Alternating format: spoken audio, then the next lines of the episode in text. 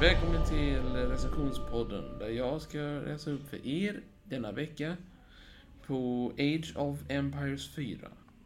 Denna recension är enkel men också långvarig eftersom att det har tagit så lång tid för skaparna att skapa detta spel på grund av konkurser eller förändringar inom maktkontrollen inom namnet Age of Empires. Ensemble Studios var originalskaparna och namngivarna för spel, Age of Empires-serien. Men de gick senare i konkurs och såldes upp till Microsoft Studios som i sin tur köpt, gav ut spelet till Forgotten Empires.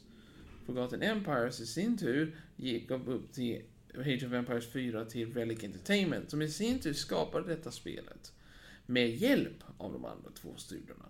Men tyvärr så kunde inte Ensemble Studios hela gruppen var med och se detta underbara spel bli skapat i sina drömmar, vilket är inte helt exakt vad det blev, men nära nog kan man säga med tiden.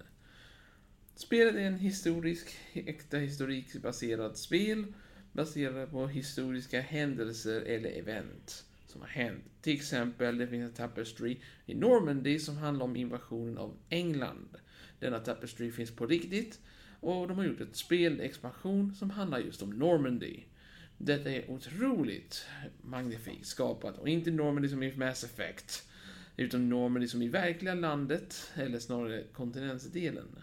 En enastående berättelse för att vara exakt. Allt skapat genom en, ja, en, en matta som hänger på väggen. Ja, ett tapestry. Denna strategispel bygger ju på strategi, vilket är RTS-stil, alltså Real Time Strategy, precis som föregångarna, men har fått lite små förändringar med att det innehåller epoker och olika spelsätt. Vanligtvis så var det samma spelsätt för alla fraktionerna, eller grupperna i spelet, men med tiden så har de ändrat dem lite mera och blivit kontroversiella, eller intressanta. Till exempel Normandy, eller England, har en verksamhet som bygger upp monument. Dessa monument leder till en epokisk uppgradering. Medan sen har du andra folk som bygger, inte byggnader, utan olika vapen. Eller, by eller instrumentella soldater eller liknande för att gå upp i epoker. Det är komplicerat, men ja, det funkar. Och snart kommer de för första gången, inom kort, ha sin första anniversary, som kommer tilläggas inte en, utan två nya satsfaktioner att spela, eller grupper, som man kan kalla dem. De, I så här långt så finns det fyra campaigns, men som jag vet kanske kommer läggas till ytterligare två, eller en, med denna uppdatering, med den här Anniversary Edition. Uppdateringen. Men nu, men det är alltså att det hamnar i fjärde serien. Det vill säga det finns ett, två, tre. I detta fall i Age of Empires-serien.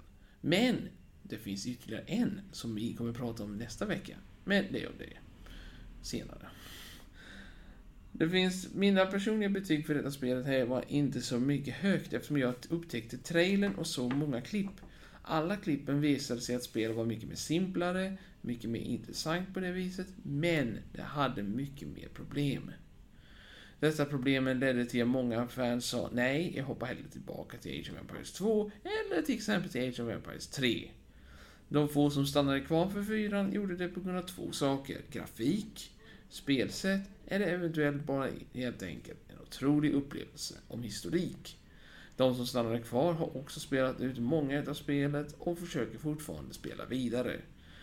Till dem säger jag gratulerar och jag hoppas att ni njuter av spelet. I mitt fall så tycker jag att det kunde blivit bättre, men nej, alla har sin synvinkel. Innan vi avslutar detta så tänker jag nämligen nämna det hemliga spelet som kommer vara i nästa vecka. I nästa vecka kommer vi att snacka om Age of Mythology. En liten sidospin-off utav Age of Empires-serien. Som än idag, för många fans säger, vad kommer härnäst? Men det är en berättelse för en annan gång. Vi hörs snart igen. Hejdå.